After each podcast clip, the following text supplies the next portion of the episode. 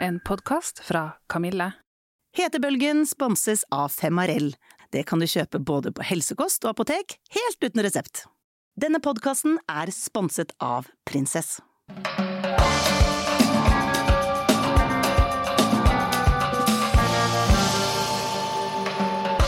Hei, jeg heter Dora Thoralsdottir. Jeg er 49 år, og jeg er omtrent ett kvarter unna at overgangsalderen slår til for fullt. Vi lever i en tid hvor vi ikke snakker om denne tiden av livet. Det er mye hemmelighold, det er skamfullt og faktisk tabu. Men det vil vi gjøre noe med. Vi trenger å snakke om det, åpne opp og dele erfaringer, og ikke minst snakke med eksperter som kan masse om temaet. Velkommen til Hetebølgen. Hei og hjertelig velkommen til deg, Monica Sjango. Her sitter vi, og jeg aner ikke hvordan jeg skal introdusere deg, for du har altså så mye du har gjort og brenner for og driver med, så jeg bare gir ballen til deg, så kan du fortelle hvem er Monica, og hva er grunnen til at du sitter her? Ja, nå sitter jeg her og nikker, og det er det jo ingen som ser, fordi at vi gjør radio, og rett før vi starta her så snakket vi om at jeg har jobbet veldig mye med TV.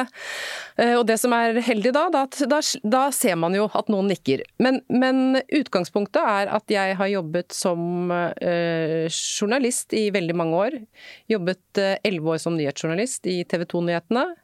Og så har jeg øh, vært dokumentarist, jeg har laget filmer. Øh, jeg har skrevet bøker. To kokebøker og en sakprosabok. Uh, og så har jeg de siste ti-tolv årene vært en aktiv samfunnsdebattant. Og da mm. er jeg opptatt av to ting. Antisemittisme og menneskerettigheter. Og overgangsalderen. Det var de to temaene du gikk for? De gikk jeg for. Kvinnehelse har egentlig alltid vært utrolig viktig for meg. Og helt fra Jeg bare satt og reflekterte litt i går eh, hvordan liksom inngangen min til, til dette var. Og eh, da kom jeg på at da jeg starta som journalist i TV 2-nyhetene, som var så lenge siden som eh, 1997 Jeg syns ikke det høres lenge ut i det hele tatt. Det høres ut som fem år siden. Ja, ikke sant. Så var en av de første sakene jeg laget, var faktisk eh, det manglende tilbudet til norske kvinner i forhold til eh, livmorhalskrefttesting. Ja. Så allerede da eh, holdt jeg på med det. Og jeg var, hadde lagde også eh, en del saker som handlet om koblingen mellom p-piller og og sykdom, da. Ja. Så jeg har egentlig vært opptatt av kvinnehelse lenge. Eh, og det handler nok om at jeg har en far som er eh, lege, altså mikrobiolog. Og hans ekspertise Uh, har gått på mange ting. Uh, en av dem Han har vært opptatt av uh, aids i sin tid, men han har også vært opptatt av seksuelt overforbare sykdommer. Så det betyr at i vok vokabularet mitt og i det jeg vokste opp i, så, så, var dette på en måte litt sånn naturlig å høre om, da. så det var egentlig ikke Det var ikke så flaut. Det var liksom jeg syns det var veldig interessant, da. Um, og Eh, til min fars Jeg vet ikke om det er til hans skuffelse, så jeg ble aldri lege, men, men jeg har vært opptatt av eh, helse og, og kvinnehelse helt spesifikt i, i, veldig, veldig mange år, altså. Og det er derfor du er her, for jeg tenker ja. at det som er litt annerledes med denne episoden enn de andre, er at da er vi veldig konkrete på overgangsalder og what to do og fra ulike perspektiver. Men det vi gjør nå, det er å ta et fugleperspektiv, gå ja. litt opp, og så lurer jeg på, fordi at du sitter på så mye kunnskap om hvordan har vi havnet her? At i 2023 så Dette her er jo en av de eneste podkastene som er om overgangsalder. Vi snakker litt om det, det er tabu. Eh, hvis vi trekker liksom historien bakover, hva er historien til overgangsalderen? Rett og slett. Uh Eh, altså, det, det, er, det er eh, Nå er jo ikke jeg historiker. Neida, Nei da, men, men, du men, kan mangt. Men, men jeg, skal ikke, jeg, skal ikke, gå så Jeg skal faktisk ikke gå så kjempelangt tilbake. Altså, vi går ikke tilbake til, til antikken. Vi skal gå så langt tilbake som til 1966. Eh, og da kom det ut en bok som het 'Feminine Forever'. Og det var det da en herremann selvfølgelig som skrev, og den boken den handlet om hvordan kvinner nærmest ble kastrert. Hvordan de eh, var seksuelt uattraktive. Eh, hvordan eh, egentlig at eh, deres neste stoppested, det var døden. Og dette her på en måte har blitt et eh, slags aksept, altså, akseptert narrativ eh, er, det, er, det, en måte å si på, eh, og, og, sagt på vanlig norsk, så er det dette er en historie vi har godkjent og godtatt, da. Tenkte jeg det. Men solgte den boka så bra? Den, liksom... den, ja, den solgte veldig godt. Og det som egentlig er det mest, mest skumle, og det som jeg har vært så, så rasende for, eh, Dora, og opprørt og, og, sint, det er jo det at eh, nei, det er jo ikke slik at vi slutter å være mennesker fordi vi slutter å, å kunne reprodusere oss. Det er jo ikke sånn at vi slutter å være interessante dialogpartnere fordi vi har bikka 50. Det er jo ikke sånn i det hele tatt. Eh, så det er jo et eller annet med den vestlige verdens um, at, at, det dyrkes dette med at man, at, uh, man har uh, fruktbare egg. Ja. Ikke sant? Eh, når det er sagt, da, så har jeg jo um, en annen ting. Altså det er sånn, Jeg glemte å si at hva, hva, mer er du interessert i, Monica? Jo, det jeg også er interessert i, er Jeg er interessert i å vite hvordan mennesker i andre land har det. Uh, og det har jo på en måte vært en historie som har vært fortalt i mange år, og, og den, den jeg har liksom prøvd å finne en dokumentasjon på det, og, og den, i den historien så het det seg at det, i det japanske språk da, så finnes det ikke et ord for overgangsalder, da. Men det, det finnes veldig mange Liksom, det, det, stemmer ikke helt, da. Eh, og noen sier også at eh, japanske kvinner kommer ikke i overgangsalder på samme måte som vi gjør i Vesten, men det stemmer heller ikke helt.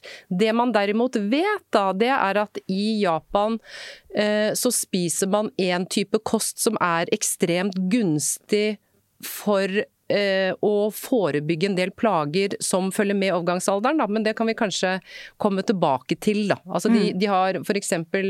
høyt konsum av eh, av fisk, høyt konsum av visse soyaprodukter som inneholder noe som heter da østrogenhermer, eller fytoøstrogener, som jo kan være eh, Det er vel dokumentert da, at dette er på en måte at det har effekter som er gode i forhold til det.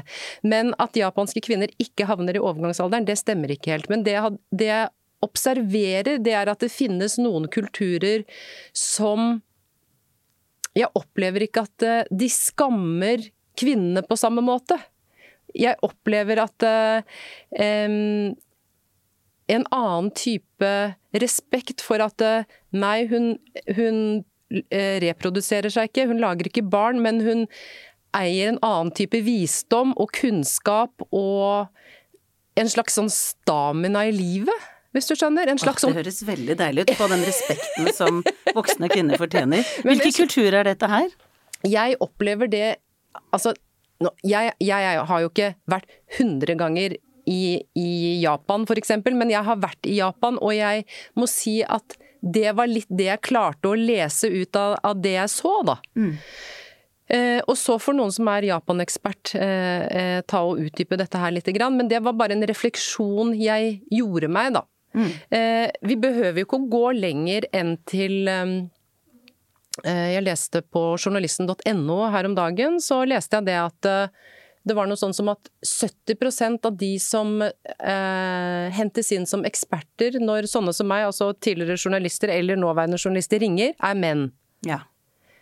Eh, og jeg kan ikke på mitt bare liv forestille meg at ikke det fins nok kvinner. Ikke sant? Så det er, jo, det er, jo, sånne ting også som vi må jobbe med. Og, og, vi sitter jo i studio en dag i mars, og det er ikke lenge siden kvinnedagen har vært, ikke sant. Eh, eh, så jeg tenker at det er jo også en del av det. Fordi at det å komme i overgangsalderen handler jo om Én ting er de fysiske tingene, men så er det jo en del psykiske ting også, og i den litteraturen som jeg har lest, så skrives det jo øh, Altså det er jo en, en, del kvinner som sier at 'jeg føler meg ikke sett lenger'. Ikke sant? Jeg føler meg ikke hørt lenger. Uh, Åsa Lindeborg, kjent svensk forfatter, og, eh, og, hun er i Norsken, svensken og dansken en gang i uken sammen med Hilde Sandvik og, og Hassan Preisler. Hun sier at hun orker ikke å se seg selv på TV lenger. Ikke ja, det var veldig mye i media om nettopp det. Ja. For da, da, kom det litt opp at uh, hva er det vi tenker om kvinner som blir eldre, og hva tenker de om seg selv? For det var jo nett Og hun var bare 53 eller noe sånt da hun sa det. Knapt noen alder. Ja, Ikke og, sant? Og syns nå ble jeg så synlig eldre Ja. at det orker jeg ikke å se på. Nei, men så tenker jeg at uh, vi, vi også, det er derfor så bra at du har dette programmet her, altså vi som jobber med og i media på et eller annet vis, eh, jeg tenker alle har et fordømt ansvar for å vise fram annet enn 20- og 30-årene. Fordi vi skal leve lenge i landet. Og nå er det sånn at eh, levealderen er på henholdsvis 81 og 83,5 for, eh, for oss. Så det betyr at vi har noen rause år igjen. Og jeg pleier alltid å si at eh, de første 18-19 årene, de har du ikke noe råderett over. Ikke sant? Da er det noen andre som bestemmer. Og så har du de neste 30. Altså Da skal man få utdanning, få seg en jobb, få seg noen barn, eh, se de bli voksne og forlate huset. Så du har, men så har du jo halvparten igjen, Ja, ikke sant? ideelt sett. Og da Til deg! Til livet ditt! Ja, til livet. Og så, og så er det jo sånn at det, det, da kan vi ikke bare godta at ikke vi skal være synlige. Og at de helseproblemene som for veldig mange kvinner følger med det å komme i overgangsalderen, det må vi snakke om. Fordi det har jo en, en uh, Skravla går her. så Ja, ja, du får ja, bare stoppe flott, flott, flott. Nei, for det som, det som skjer For det første, i det eh, Det å, ha, å være i overgangsalderen, det er jo ikke noen sykdom. Ikke sant? Eh, Det, det må vi bare slutte å snakke med. Det å være i overgangsalderen, det er heller ikke noe komikveld. Så idet man får vist bilder av kvinner som står og vifter seg, eller har lyst til å legge seg inn i fryseboksen eller kjøleskapet for de er så varme, eh, altså i min bok så er ikke det spesielt eh, morsomt. Eh, dette er en medisinsk tilstand eh, som man lett kan gjøre noe med, som handler om at eh, kroppen tappes for viktige hormoner, ikke sant? Eh, og så er det jo slik at eh, når så du sist en film eller en TV-serie som på ordentlig måte tok for seg overgangsalderen? Jeg kan ikke komme på én. Nei. Virkelig ikke. Jeg- Og jeg har tenkt på det, faktisk. Ja, det er veldig bra. Og, så det betyr at uh, en av de få som faktisk har gjort noe med den saken, det er jo deg, Dora. Du har jo faktisk laget en forestilling. Men tenk at ingen har gjort det før, det er det jeg Nei, tenker. nei, det her men- ligger temaet så opp i dagen, det angår halvparten av jordas befolkning. Ja, det gjør, ja, det, gjør det. Men, men det sier lite grann, og du har gått for god dammit utsolgte hus i sesonger. Så det, er jo ikke noe sånn Nei, det var ikke noe sånn at eh, det var to, to forestillinger. Nei. Altså, det var jo en shitload, for å bruke Ja, endelig var det noen som snakka om det. Det er det jeg får høre. Endelig var det noen som snakket om det. Så det betyr at, det- at eh, det er eh, Jeg vil gjerne underholdes, men jeg vil, vil at overgangsalderen skal løftes inn som en tematikk, som en del av den offentlige samtalen. Nå er det akkurat eh, gitt ut en norsk offentlig utredning. Over 200 sider som omhandler kvinnehelse, og, og jeg har ikke lest de 250 sidene, men jeg tok meg bryderiet med å lese de ca. 10-12 sidene som omhandlet overgangsalderen. Og dette blir tatt på alvor nå, altså. Ja, det gjør det. Eh, Ja, det gjør det. Så det er håp. Og 100 at Fortell. Eh, for det første så adresseres det jo på en ordentlig måte at eh, eh, Først så er de jo opptatt av, det, av ting som jeg syns de skal være veldig opptatt av, nemlig det som yngre kvinner sliter med, ikke sant. Eh, så det handler jo alt, om alt fra infertilitet til endometriose, som jo endelig er satt på, på agendaen. Kjempeviktig. Eh, men så er det sånn at dessverre eh, så er det slik at ca. to tredjedeler av den kvinnelige befolkningen får eh, utfordringer knyttet til overgangsalderen. Så vi kan dele det opp i tre. En tredjedel får nesten ingenting. En tredjedel får, får, får tunge plager, og en tredjedel får sånn midt på treet. Men det betyr at eh, da 60-65 er rammet ganske heftig av, av overgangsalderplager. Hva kan det være for noe? Eh, het, hetetokter, benskjørhet, hjerteklapp, håravfall. Depresjon. Altså den lista, den er så lang at jeg, at jeg kjenner jo at Den er veldig trist. jeg, Ja, den er lang og trist. Og nå skal jeg fortelle deg noe enda tristere. Og det er eh, i, i Storbritannia, som ligger noen hestehoder foran oss i forhold til å i hvert fall ha løftet diskusjonen om overgangsalderen inn i det offentlige rommet, eh, så syns jeg det har vært spennende å følge med på, på hva eksperter sier. Og det er en engelsk eh, lege eh, som heter Louise Newson, eh, som i Og det er bare å notere de som hører på. Louise Newson. N-E-W-S-O-N. Yes. She also have a, has a podcast that you can listen to on a weekly basis. Og der er det veldig mange episoder. Um, og hun driver en Altså, hun er rett og slett opprinnelig fastlege, ikke gynekolog, slik jeg oppfattet det, men har da gjennom årene opparbeidet seg god kompetanse på overgangsalderen. Så hun har åpnet en øh, sånn menopause clinic eh, i Stratford upon Avon, og der tar hun imot vanvittig mye pasienter. Eh, og hun forteller det at flere ganger i uken så tar hun imot kvinner som at, det, at som er suicidale. Ja, det er, men det er de mest ekstreme, da. Men det er, utgjør så mange. Al- Altså, en, altså det, er sånn, det er mer enn én, for å si det sånn. Så de er så syke fordi de er feildiagnostisert, eh, de har ikke fått noen behandling. Og de, de føler seg så elendige, ikke sant. Det er jo også veldig mange kvinner som blir feildiagnostisert og får antidepressiva. Ja, det er det veldig mange. Det har jeg hørt at Å ja, så du er litt nedstemt, du er 51, men vet du hva, da skal du få anti... Ja, Istedenfor å Ja. Og, de, og, og, da, og da er det jo sånn at eh, Nei, men de andre plagene går jo ikke bort. Det er ikke noe sånn, For det første så, så hetetoktene dine går ikke bort.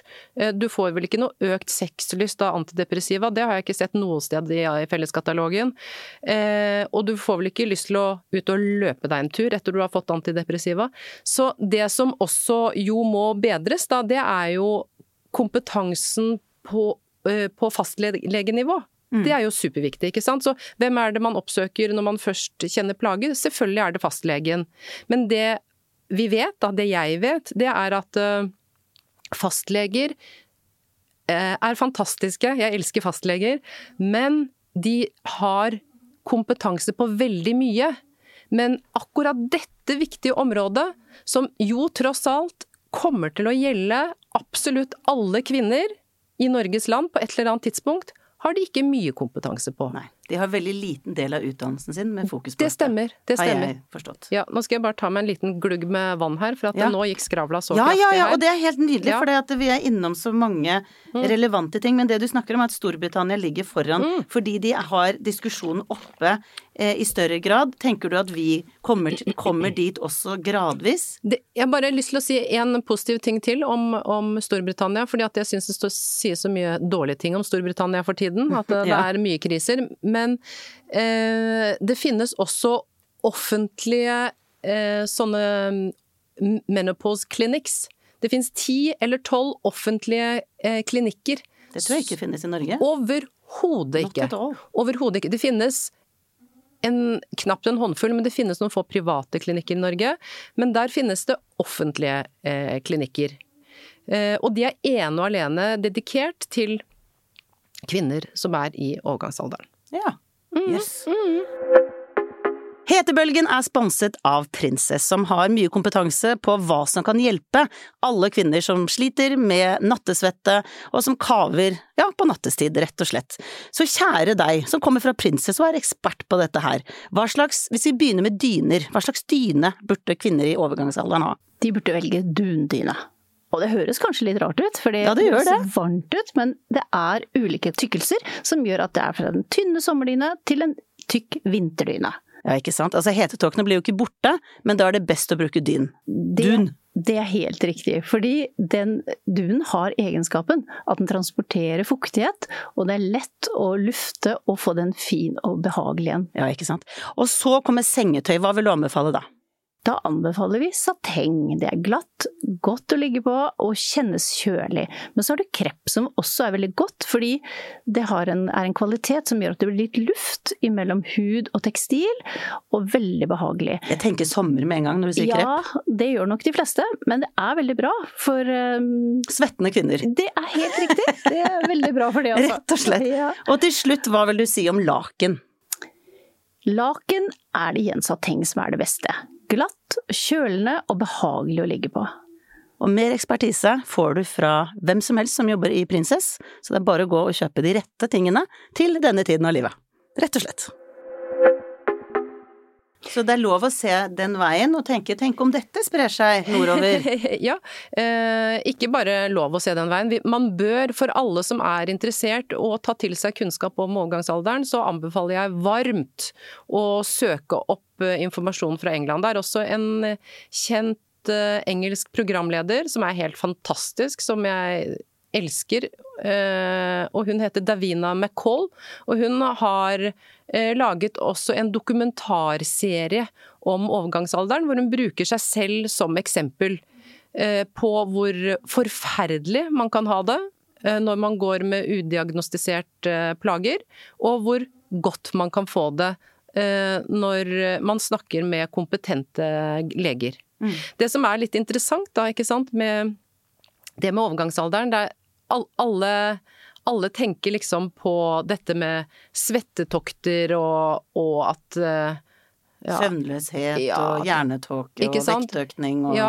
ja. Så man, det som jeg er litt opptatt av, det er at uh, dette, dette, er ganske avansert kunnskap, så det er jo ikke sånn at uh, det er ikke nødvendigvis sånn at gynekologen kan gi det alle svarene. Fordi at dette her handler jo om et hormonspill ikke sant, i kroppen. Så, så i mitt hode da, så vil det jo være Dette her vil jo leger som er her kunne si mer om, men i mitt hode så vil jeg jo tenke at eh, et ideelt sted for meg å gå, da, dersom jeg skulle oppsøke hjelp, vil jo være et sted hvor det både finnes en gynekolog, men også en endokrinolog som har ekspertise på hormoner. Ja. Det, er en, det er jo en egen spesialitet. Og det er jo hormoner vi snakker om, så ja. det er jo egentlig helt innlysende ja. når du sier det. Helt innlysende. Men når det, når det er sagt, så er det slik at uh, i på en måte den uh, veilederen til uh, norske gynekologer nå, så, så er det enighet f.eks. om at for kvinner som har store plager i forbindelse med overgangsalderen, så, så skal man foreskrive hormoner. Ikke sant? og så passer ikke det for alle. Eh, og da er det også på en måte noen grep som er mulig å ta, og jeg vet at du har hatt, eller kanskje skal ha gjester her som kan mye om de tingene, ikke sant? Fordi at det er Det finnes muligheter, men, og det som jeg er opptatt av bare, at kvinner må slippe å gå rundt med alle disse tingene her alene. De må få slippe å ikke få sove. De må få slippe å at eh, de føler seg som en sånn at de har covid i form av feber. Og ikke minst, de må få slippe å bli gjort narr av. Ja, opplever du det? At kvinner i overgangsalderen blir ja, er, er vi på vei inn i, inn i borgen nå? Ja, men det er faktisk litt sånn i den retning. Fordi det som skjedde for de av dere som ikke har fått det med dere, så var det jo den danske serien Borgen sesong tre, kanskje? Ja, tre eller fire. Nå ja. husker jeg ikke farta. Men fantastisk serie. Fantastisk. Som har vært helt amazing. Den hadde jeg også gleda meg til å se, og så mm. begynte jeg å se den. Og så ser jeg et innlegg på Facebook skrevet av deg som ble delt helt sjukt mye, så den anbefaler jeg alle å lese. Fordi da setter Monica seg ned, gleder seg til å se dette her. Endelig en kvinne i overgangsalderen overgangsalderen som hovedperson. Hva skjer når du da ser på dette her? Nei, altså, serien har vel liksom knapt nok startet i første episode, og da kommer Birgitte Nyborg ut, spilt av Sis, Bette Knutsen. Altså, hun er virkelig sånn Altså, jeg elsker hjernen hennes og hvordan hun ser ut, og jeg virkelig liksom Posisjonen hennes er så gull! Oh, I love ja. it, ikke sant? Mm. Eh, og Eh, noe av det første du ser, er at Birgitte står og vifter med hendene sine foran panna fordi at eh, svetten, svetten den renner, ikke sant. Og neste scene, så da skifter, har hun svettet så mye at hun da skifter fra én hvit skjorte, for du har jo selvfølgelig bare sånne krispe sånn Day Birger og Mikkelsen-klær som ikke varer mer enn fem sekunder. Men hun svetter jo gjennom rubb og stubb, ikke sant. Eh, og hun, hun, forlater et møte fordi hun får et svetteanfall. Seerne får da absolutt ingen forklaring. Eh, og så eh, er hun på vei inn i et, eh, et TV-studio, og da står hun med sin mye yngre eh, mannlig assistent og spør om han kan være så snill å sjekke om eh, det finnes noe svettekrem i nærheten. Har du hørt om det noen gang, Nei, og Dora? Det er der, allerede der, da jeg leste det skrev, så tenkte jeg really? Dette her klarte Hva var det, 2022? Den, ja. Eh, Svettekrem, ja. Ja, så har vi funnet på noe ja. som ikke fins. Fordi sist jeg sjekket, så var den tetteste jeg kommer på definisjonen av svettekrem, det er noe du smører under armen i form av en deodorant. Det har vi hørt om. Ja. Men, men, svettekrem til ansiktet, eh, både du og jeg har jobbet nok i TV til å vite at det har vi aldri hørt om. Uh, men det blir, altså det, blir, det blir, verre enn dette her, altså. På vei inn til et møte så begynner hun å sniffe seg under armene for å sjekke om hun lukter svette. Ja. Eh, hun skal sitte i et viktig møte eh, med noen grønlandske politikere. Da eh, blør hun igjennom skjørtet. Hun klarer liksom ikke å kontrollere kroppssekret heller.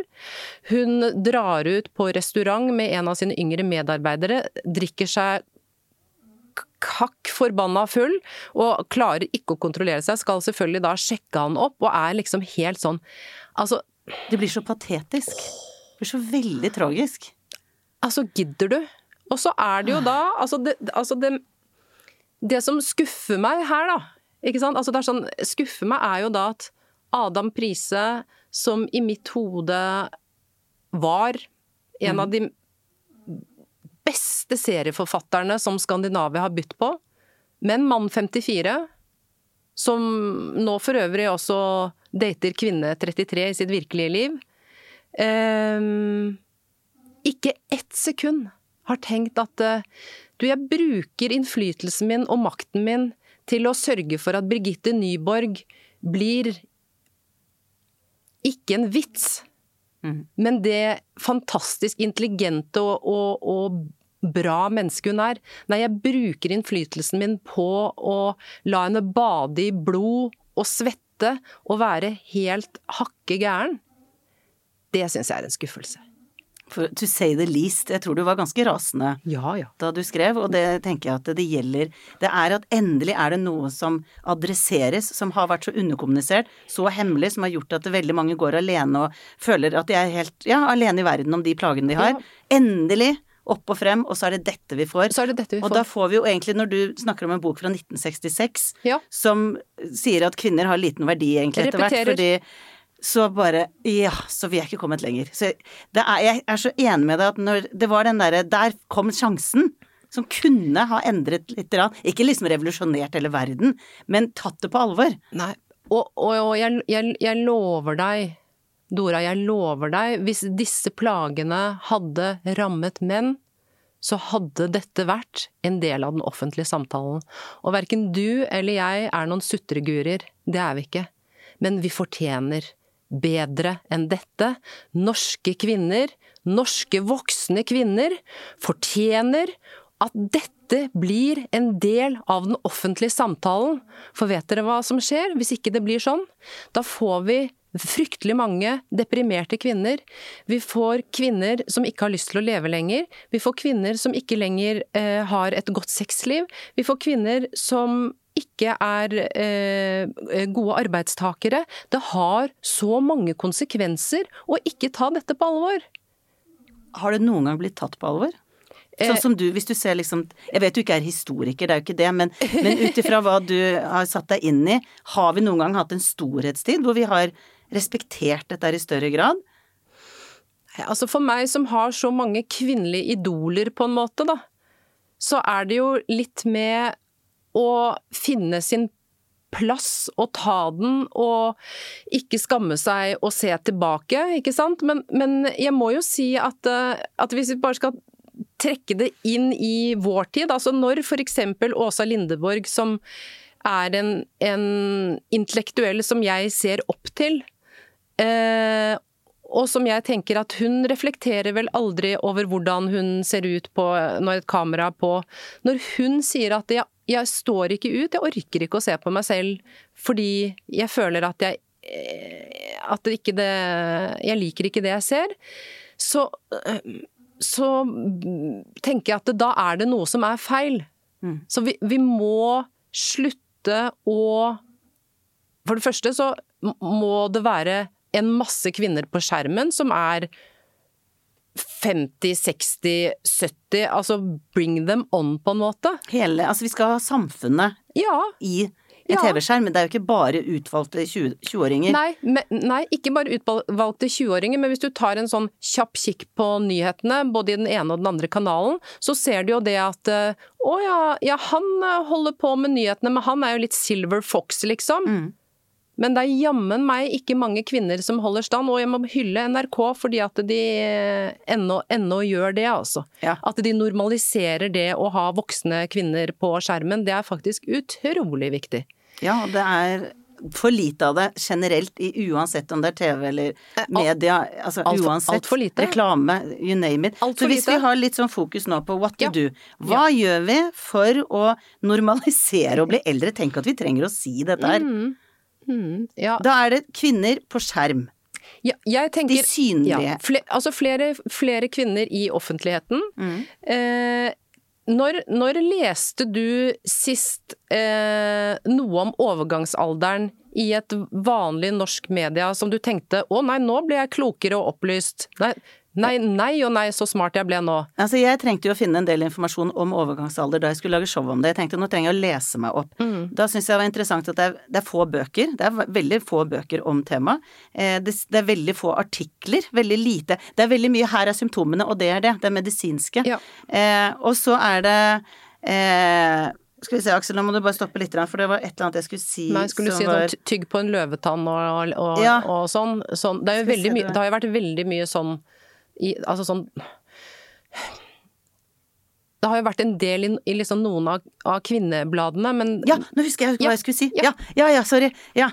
Eh, Aksel, er det greit? Jeg bare hopper inn. Eh, jo, det er én ting jeg husker godt da jeg drev og eh, prøvde å finne eh, informasjon, så snakket jeg faktisk med en som er journalist, som eh, jobbet Jeg kan bare si et norsk ukeblad. Ja. Og hun sa jo så bra at du skal lage show om overgangsalder. Eh, det jeg kan fortelle deg, er at vi har hatt lyst til å skrive om det veldig ofte, men vi sliter med å finne caser. Mhm. Og da er det rett og slett kvinner som er i overgangsalderen, som ikke vil være noe ansikt utad oh, ja. om de plagene de har. Oh, ja. Så de har faktisk slitt, det har visst blitt bedre nå, med at mange kvinner tør ikke å fronte noe som angår alle andre kvinner. Nei. Og en annen ting når du sier at det er veldig lite av det, så var det en erfaring jeg gjorde, nå bare outer jeg Dagsrevyen her, men jeg var på Dagsrevyen fordi at det var en sak om at eh, det skrives ut mye mindre østrogen enn det det burde i forhold til hvor mange som er i overgangsalderen. Så hva er grunnen til det, ikke sant? Så da var det et innslag på Dagsrevyen. Og så ble jeg ringt opp av en kvinnelig journalist som spurte du, er det greit at du kommer, for vi tenker å, å liksom snakke litt om overgangsalderen, og du har jo mye fokus på det i showet ditt og sånn. Og så sier jeg ja, ja, selvfølgelig, og fantastisk. Og så sier hun jeg har bare lyst til å fortelle deg en ting, og det er at vi hadde morgenmøte med overvekta menn der hvor dette kom opp, at dette innslaget skulle komme om eh, overgangsalder. Og så foreslo jeg at hva med å ha med en gjest inn, så lager vi dette litt større. Vet du hva en eh, mann eh, rundt 40 eh, sa da? Det er jeg veldig nysgjerrig på. Det han sa da, er ikke det litt smalt tema? Å ja. Nei, det angår Så- bare 50 av befolkninga. Så, det. så det, det kommer til å bli eh, din partner. Det kan ha vært din mor, din søster, din tante, bestemor. Men det er et smalt tema.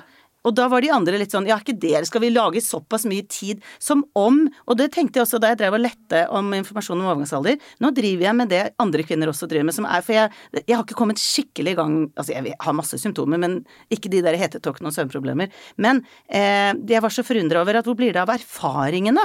Hvor delingen Det er en liste av symptomer, og så får du finne ut av det sjøl. Det er det jeg satt igjen med. Så for å svare deg veldig langt Ja, her ja. det er så lite Ja.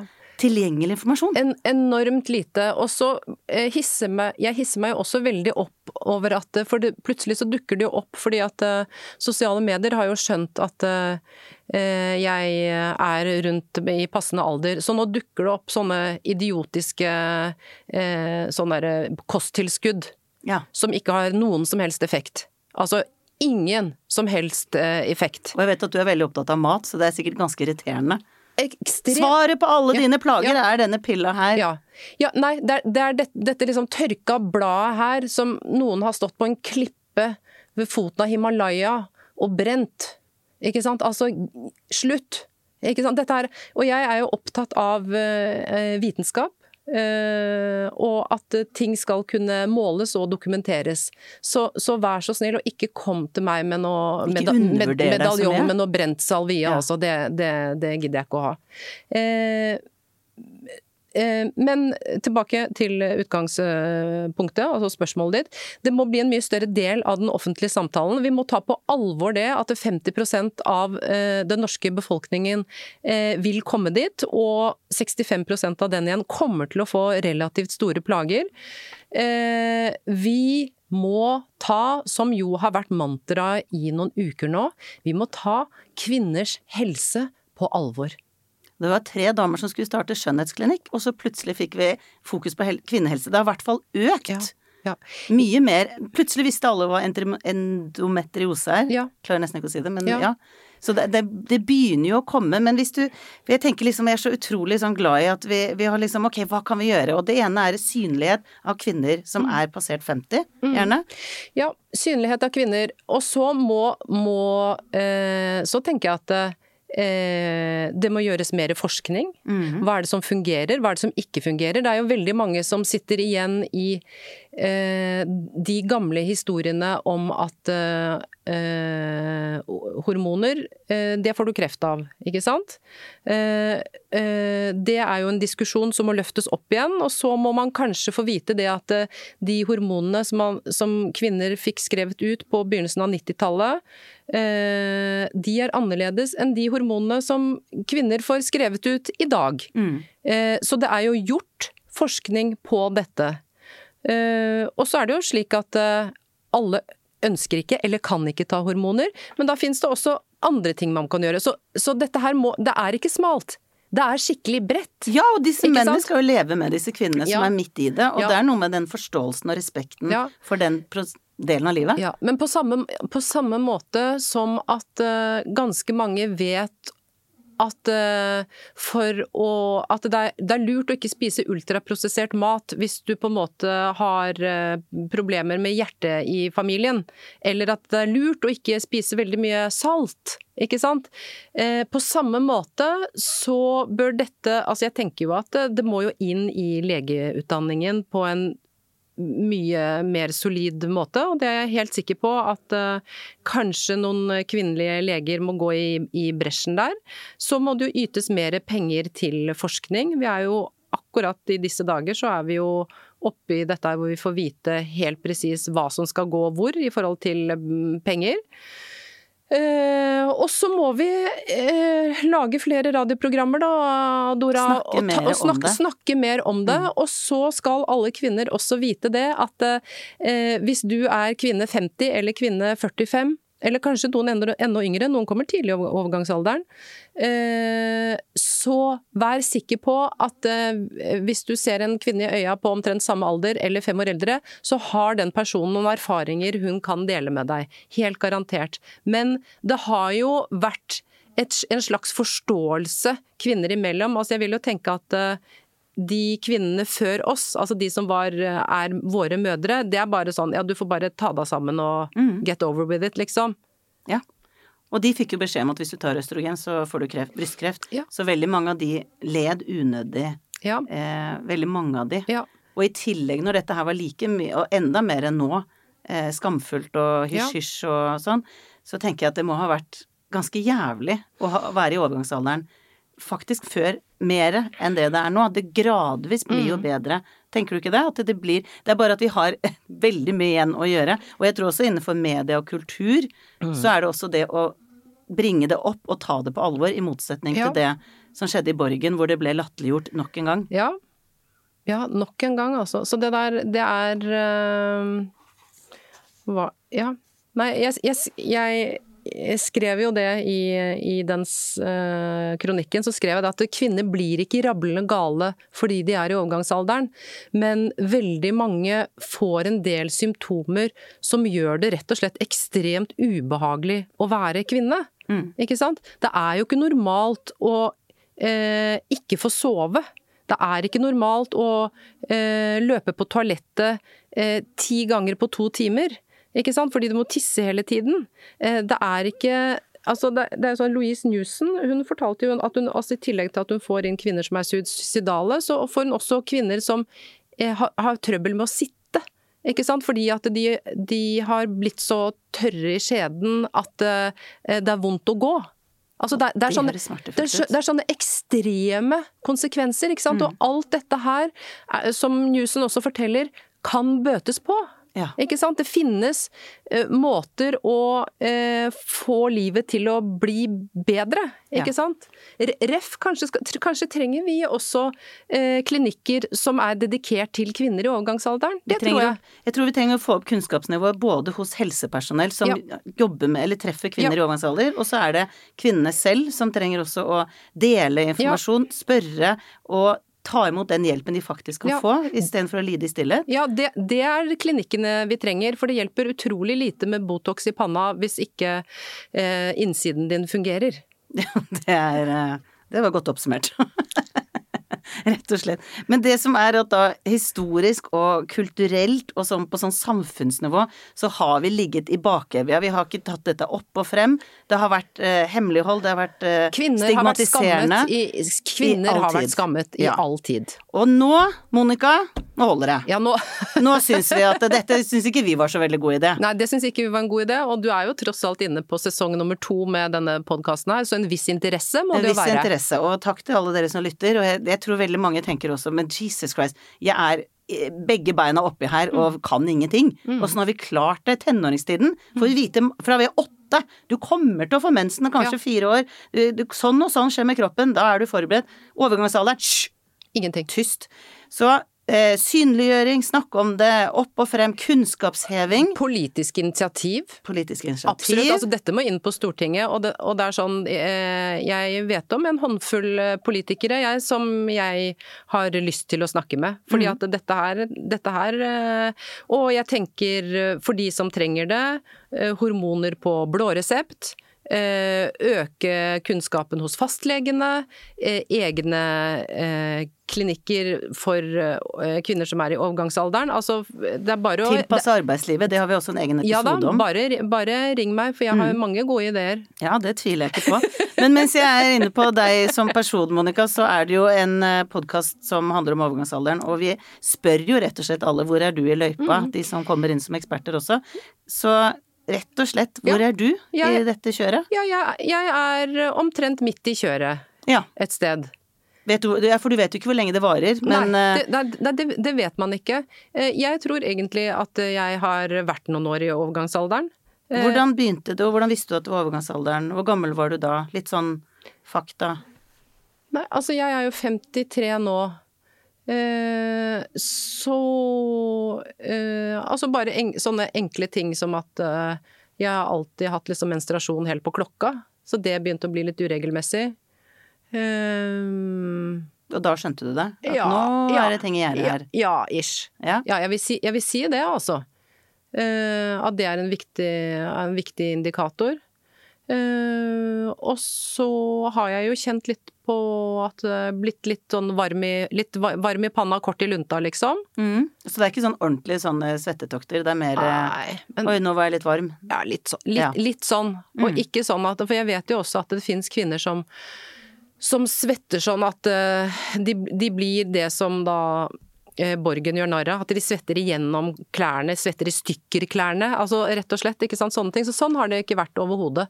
Eh, men bare sånn litt mm, merkelig respons. Altså det er sånn at man blir veldig varm når det ikke er naturlig å bli veldig varm, da. Jo, Jeg, er egentlig, eh, jeg fryser egentlig bestandig, Ja. hvis du skjønner. Så for meg så var det lett å merke. Ja, og da blir det en kontrast. eh, Og det blir ja. en kontrast. Jeg er alltid kald. Det er liksom min grunntone. Så du er ikke en av de som er mest hardt ramma? Nei, Nei. det er jeg ikke. Og så, og så er det jo sånn at uh, man kan jo gjøre Fordi jeg har vært så virkelig sånn oppriktig opptatt av dette her, uh, så er det sånn at jeg er uh, du, Jeg sa jo det at jeg har ikke noe tro på å liksom brenne noe rødkløver og, og, og spise det, liksom. Men det jeg derimot tror, det er For å snakke litt om der, det vi, vi startet med. Jeg tror at man kan gjøre en del gjennom kosten. Eh, Og for meg som er såpass fascinert av og glad i Japan, så vil jeg jo tenke at det kostholdet de har med liksom mye fisk, grønnsaker, ris, eh, tang og tare, altså litt sånne ting. mm. At det er, det er en smart ting. Mm. Litt eh, soyaprodukter, tofu, sånne ting. Jeg hadde show i, når nå må jeg tenke meg hvor jeg var, en, eh, Mo i Rana. Og så var det en Ja. dame som kom bort til meg, jeg, sto, jeg satt og spiste frokost eh, på hotellet, så kom hun bort så sa hun du, jeg vet at du driver og snakker om overgangsalder, det er én ting som ikke blir fortalt, som jeg har opplevd, og det er at jeg var i Japan, da sa hun det, eh, og der snakket jeg om, jeg var så varm og jeg var i overgangsalderen, og da var det noen som sa til meg det du må gjøre er å spise soyabønner, og så tenkte jeg sånn ja ja, hvis det er det som hjelper damene i Japan, så begynte jeg med det, og det gjorde underverker for Ja, meg, og jeg vil bare at du skal vite det. Så nå fikk jeg muligheten til å si dette Ja. her videre, Ja, at eh, det visstnok for henne, da, så, så det. forandret det Mm, fullstendig. så hjalp det, ikke alt. sant? Og så er det jo sånn at det som du får i deg av Altså du skal konsumere ganske store mengder for å på en måte herme det som for eksempel det som legen ville ha skrevet ut til deg gjør, da. Men, men eh, jeg tenker at det fins noe i det. Og så eh, er det jo også slik at eh, dess, altså dessverre for de som ikke liker å trene, men, men det å eh, trene har vært en lise for meg, rett og slett. Så der har jeg vært liksom Der skal det veldig mye til for at jeg viker, rett og slett. Og Er det styrke eller utholdenhet? begge deler. Ja. Begge Ja, for Vi har hatt eh, litt fokus på styrke, hvor viktig det er. Begge deler. Mm. Så jeg har hatt eh, enorm Altså jeg hater jo egentlig å løpe, men så har jeg begynt å like litt å løpe på mølle fordi jeg har skjønt at det blir min resept, da. Ja, Ikke sant? Så jeg har er litt sånn- deg. Ja, for jeg, liksom, jeg sier til meg selv ja, det er kjedelig. Ja, du ser dust ut, og jeg er ikke Altså, jeg er ikke noe flink til å løpe, skjønner du? Altså, jeg er ingen av de tingene. Det er ikke noe elegant gasellesyn i det hele tatt. Men jeg løper, jeg føler meg bra, og så løfter jeg vekter etterpå. Og det har vært utrolig bra for meg. Og så blir jeg oppstemt, og jeg blir veldig glad av å ta til meg kunnskap om overgangsalderen. Jeg syns det er utrolig spennende lesning. Eh, og for meg så er det inspirerende å se og høre kvinner som er voksne, som meg og deg, som gjør interessante ting.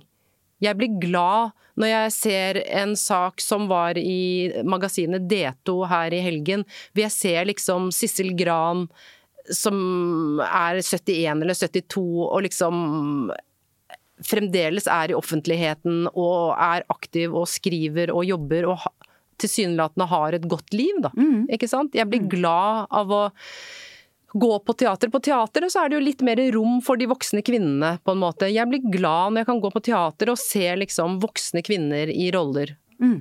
Og eh, for ikke å snakke om um, på kino også. Hel Ja. Helen Mirren, liksom. Ja, ja, ja. Gud, det er, det er en fin eh, Vi har en fin sånn gjeng som går i front. Ja. Som ikke er fulle av Botox, eller Ja. det er jo noen av det, det Ja. men, men de viser litt vei likevel, og Ja. blir eldre med utrolig kul stil. Ja, men altså, ikke sant. Så, så det, det er noe jeg blir litt sånn inspirert av, da. Mm. Vi trenger bare enda flere. Vi, ja, vi, vi trenger fler, og så trenger vi på en måte at vi som er kvinner, vi må booke andre kvinner til jobber. Vi, dere som sitter og er vaktsjefer, dere må løfte fram kvinnene i det offentlige ordskiftet. Eh, dere som sitter og er direktører, dere må gi eh, ikke bare jenter, men dere må gi også voksne kvinner muligheten til å være seg selv, da. Mm. Ikke sant? Ja, hva vet jeg, kanskje skal man ha et hvilerom, da? Hva Ja. vet jeg? Ja. Så kan du ta en kveldsøkt også, hva vet jeg? Altså, Tilrettelegge. tilrettelegge. Mm. Ikke sant? Kanskje, kanskje er det nødvendig? Du Monica, det har vært en sann glede å være innom litt av hvert, eh, men en god forklaring også på hvordan vi fremdeles er på litt samme sted, men ikke minst også veien videre, for det er jo håp. Vi trenger å endre, turn a page, Ja. komme et skritt videre. Ja, vi må komme det. ut av det mørket som eh, overgangsalderen har vært i, og sette lyset på det og la det skinne, Ja. og si sånn, Ja. kvalitetsdamene Ja. som nå får en ny, liksom, hva skal jeg si, ny vår, Det er, er så mye håp. Det er så mye håp, og det fins hjelp, og det er så mange muligheter til å gjøre livet bedre for alle som er i overgangsalderen. Så tusen takk for håpet og opplysningene, og så takker jeg deg for at du kom, og ønsker deg masse lykke til i alt det du driver med. Tusen takk, Dora. Hetebølgen sponses av Femarell. Det kan du kjøpe både på helsekost og apotek, helt uten resept. Denne podkasten er sponset av Prinsess.